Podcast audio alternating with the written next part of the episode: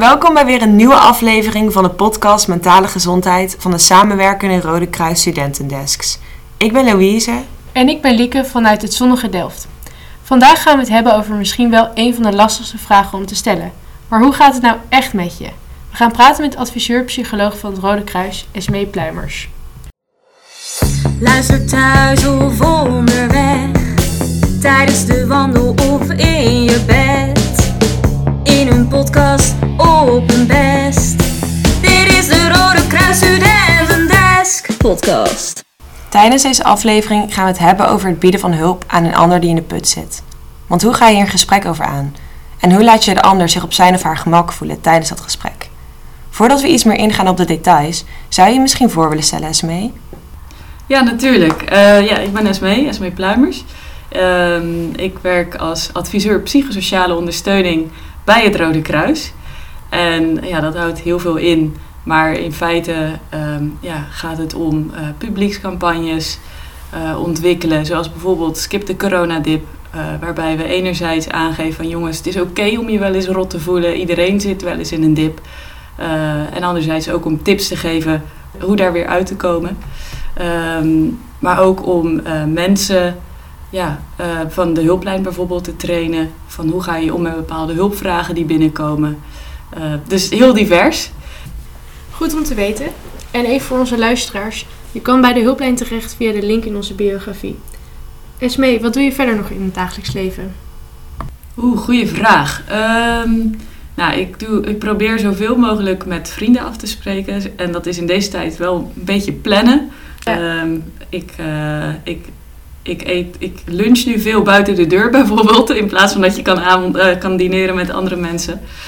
Ehm, ja, verder probeer ik zoveel mogelijk ja, leuke dingen te doen door bijvoorbeeld uh, nieuwe stukjes van Nederland te ontdekken of uh, nieuwe gerechten te proberen.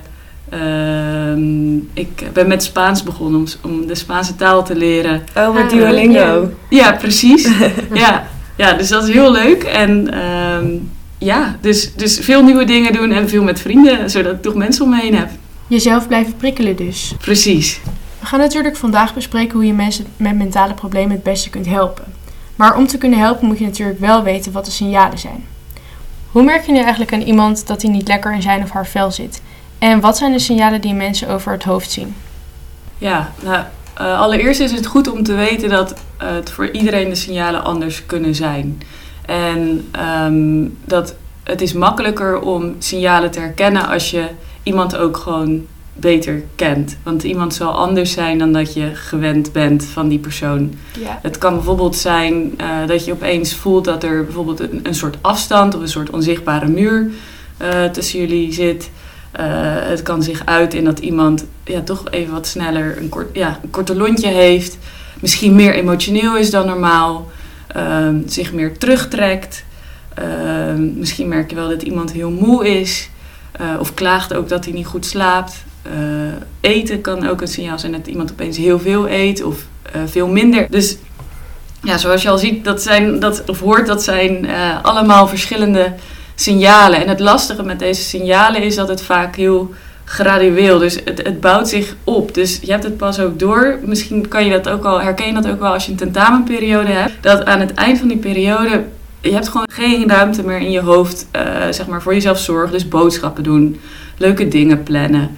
Uh, schoonmaken. Dat kost dan allemaal heel veel energie. En uh, nou ja, het fijne met kortdurende stress is dat als die tentamen voorbij is, dan heb je op een gegeven moment wel weer dat je ziet van oh, ik heb weer meer energie, ik kan weer naar dat feestje gaan.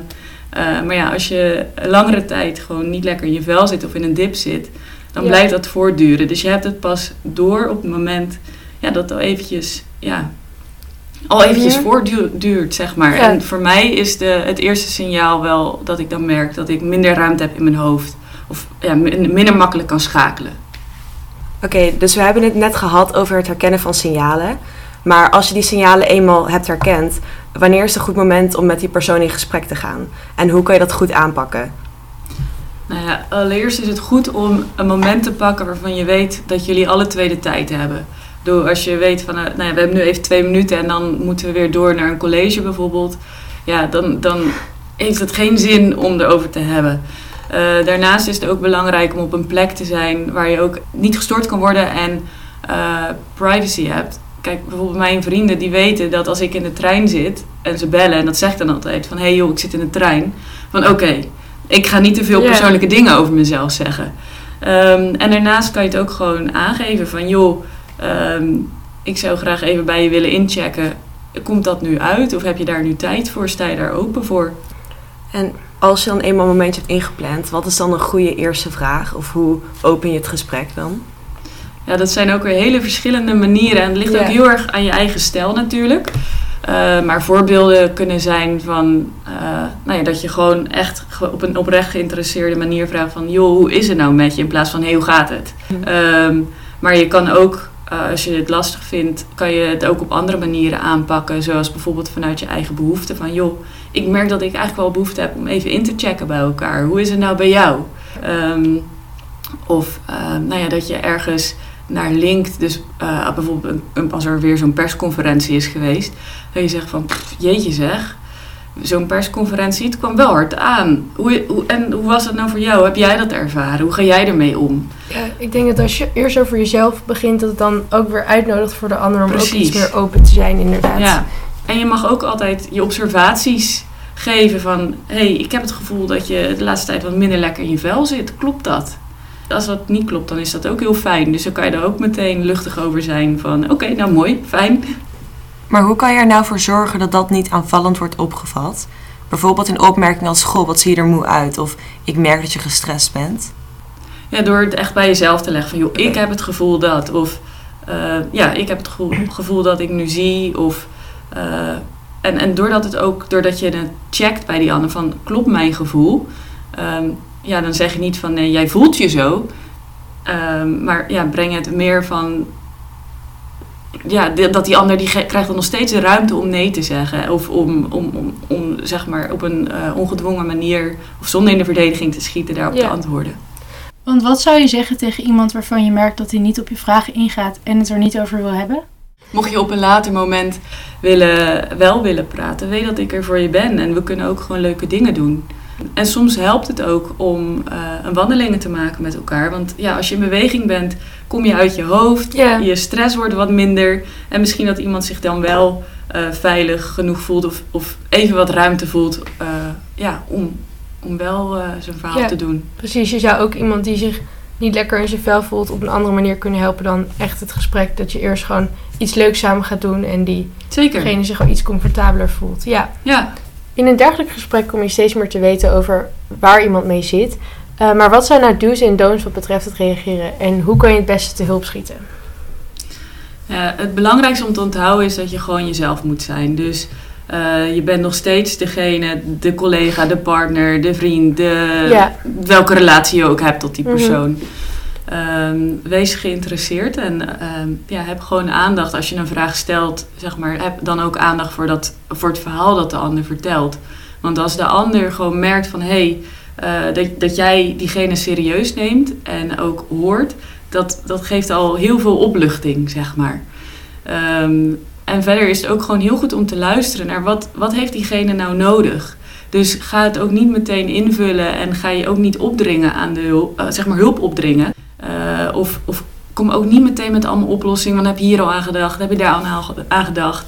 Ja, de- die persoon zal er echt wel al aan gedacht hebben en die wil gewoon zijn verhaal kwijt. En niet iemand die bam, zeg maar, allemaal dingen op, op die, die persoon afvoer- afvuurt. ja, soms moet je iemand misschien ook even verdrietig laten zijn en Precies. daarna helpen. In plaats van meteen met de oplossing komen. Ja, Precies, dus, dus geef aan dat je de persoon gehoord hebt en dat het oké is dat deze persoon zich zo voelt. Want het zal waarschijnlijk ook, het is ook gewoon rot om je ja, rot te voelen.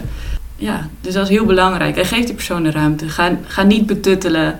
Ehm, de persoon die weet donders goed wat hij niet wil. En ehm, ja, ondersteun degene in de zoektocht naar wat hij wel wil.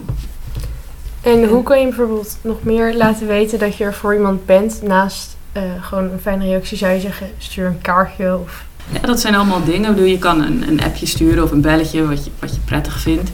Uh, maar een vriendin van mij heeft bijvoorbeeld ook eens een keer uh, een, reep Tony zo'n brievenbuspakket. Uh, aan het begin van de COVID-tijd heeft ze dat naar al haar vriendinnen gestuurd. En dat ik dacht van, oh wow, leuk.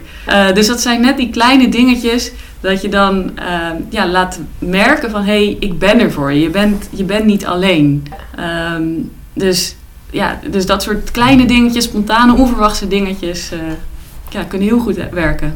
En ehm, we hadden het net ook al over het creëren van een veilige omgeving. Ehm, maar wat doe je nou als iemand tijdens zo'n gesprek heel emotioneel wordt en als het ware dichtklapt? Hoe kan je ervoor zorgen dat iemand zich dan toch op zijn, zijn of haar gemak voelt?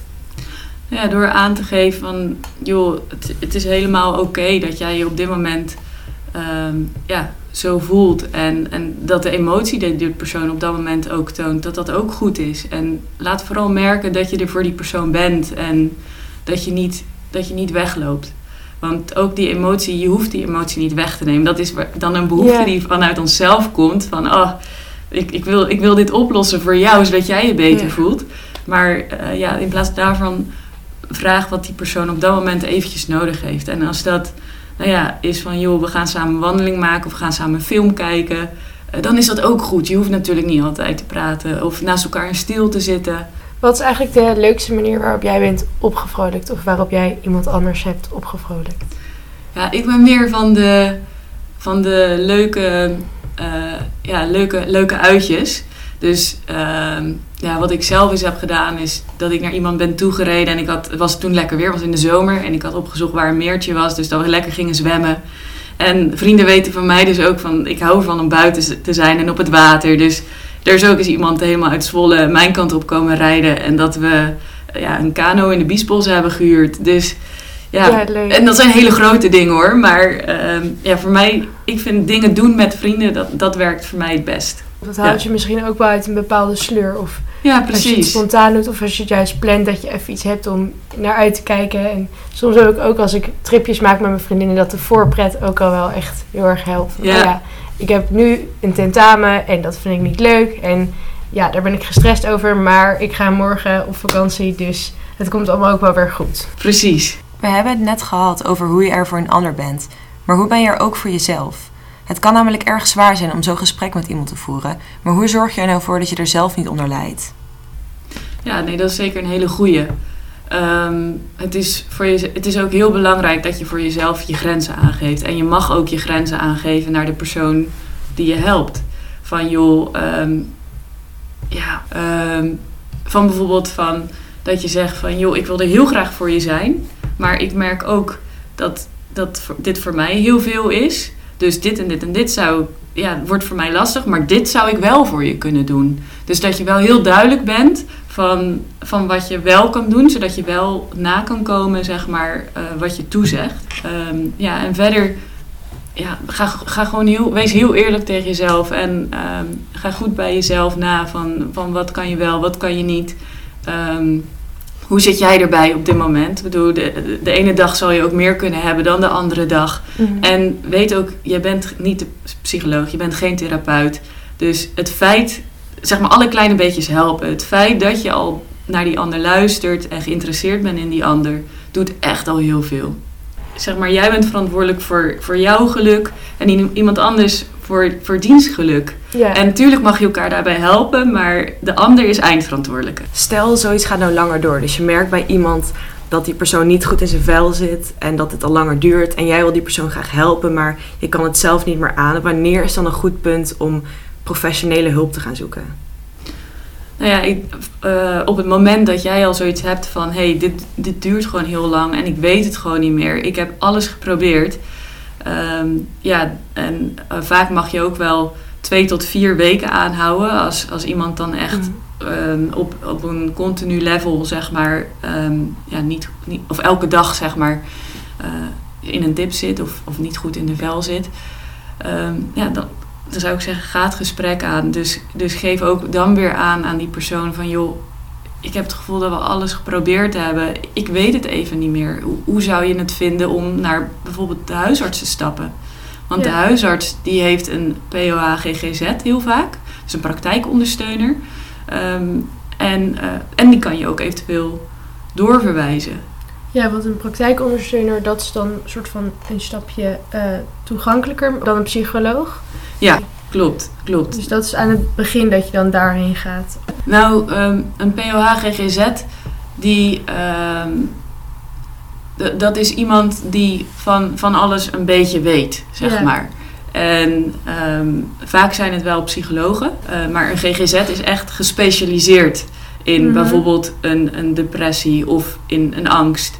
ehm, stoornis, of ja, ik haat het woord stoornis, maar Ja. Er moet eerst een diagnose zijn. dan moet er een diagnose zijn. Of die gaat een diagnose stellen. Terwijl, dat is inderdaad een hele goeie. Terwijl een POA GGZ, die hoeft niet per se een diagnose te stellen, maar die kan wel gewoon met iemand meekijken. En eh, stel je maakt je echt heel erg zorgen, want die persoon wil eh, geen professionele hulp. Is het dan ook soms een idee om eerst naar een professioneel behandelaar te stappen en daar, daarmee te overleggen hoe je die persoon het beste kan helpen? Of is dat iets wat je echt niet moet doen? Nou kijk, als iemand in levensgevaar is, dus eh, iemand zichzelf iets wil aandoen of iemand eh, anderen iets wil aandoen, dan mag je natuurlijk altijd een crisisdienst, of moet je eigenlijk een crisisdienst bellen eh, of de politie, of, en of de politie. Zeg dat dan wel tegen die persoon dat je dat gaat doen. Ehm, wat jij ook eventueel zou kunnen doen, is dat je met bijvoorbeeld een mind-correlatie of een alles oké, dat is de, de jongerenlijn van de kindertelefoon, belt om dan te zeggen van, om, daar advies in te winnen van hey, mijn, mijn vriendin, mijn vriend zit, eh, zit hiermee en ik wil heel graag helpen, maar ik weet niet hoe. Ehm, maar in feite, dus, dus dat zou je kunnen doen om advies in te winnen, maar ik zou wel zeggen, eh, geef dat ook wel aan aan de persoon die je wil helpen. Want als die persoon er later achter komt, ja, dan, dan voelt het een beetje alsof je achter diens rug om bent gegaan, terwijl je wel gewoon de beste bedoelingen had. Dus we hebben het gehad over het aangaan van het gesprek en over iemand helpen in het algemeen. Maar wat is nou het allerbelangrijkste wat je in je achterhoofd moet houden wanneer je iemand helpt of graag wil helpen? Nou, het allerbelangrijkste, of een van de belangrijke dingen, is ehm, dat jij advies geeft. En een ander mag altijd doen en zelf beslissen wat hij met dat ad- advies doet. Dus als jij bijvoorbeeld aangeeft van, joh, misschien is het goed om nu naar de huisarts te gaan. Ja, het is nog altijd aan die persoon om dan ook daadwerkelijk een afspraak te maken. Wat je dan zou kunnen vragen is van, joh, eh, als je dit een goed idee vindt, want dan moet je dan altijd even checken van hoe, hoe, hoe staat iemand er tegenover van, joh, heb je daar, kan ik daarbij ondersteunen? Vind je het fijn als ik ernaast ga zitten als je met de huisarts belt bijvoorbeeld? Ehm, maar als iemand besluit om niet naar de huisarts te gaan, ja, dan, dan moet je dat ook accepteren. Want de ander, ja, die is verantwoordelijk. Eh, heb je verder nog tips die je aan de luisteraar zou willen meegeven? Ehm, nou ja, eh, ik denk dat het, me- het belangrijkste is als je er voor iemand wil zijn, is ehm, wees jezelf, ben oprecht en weet dat door te luisteren, je doet al zoveel meer dan dat je denkt. Er is geen perfecte manier van, van iemand eh, helpen, iemand ondersteunen, want iedereen heeft zijn eigen stijl. Zeg maar, als jij en ik met precies dezelfde persoon praten en precies dezelfde vragen stellen, zullen we een heel ander gesprek hebben. Ehm, en ja, respecteer de grenzen van de ander, maar zeker ook die van jezelf. Heel erg bedankt voor al je tips en adviezen, Esmee. Ja, graag gedaan. Bedankt dat ik hier mocht zijn. Voor de luisteraars heel erg bedankt voor jullie aandacht. We hopen dat het gesprek aangaan nu wat makkelijker wordt. Kijk vooral nog even op onze Spotify-pagina om de overige afleveringen te beluisteren.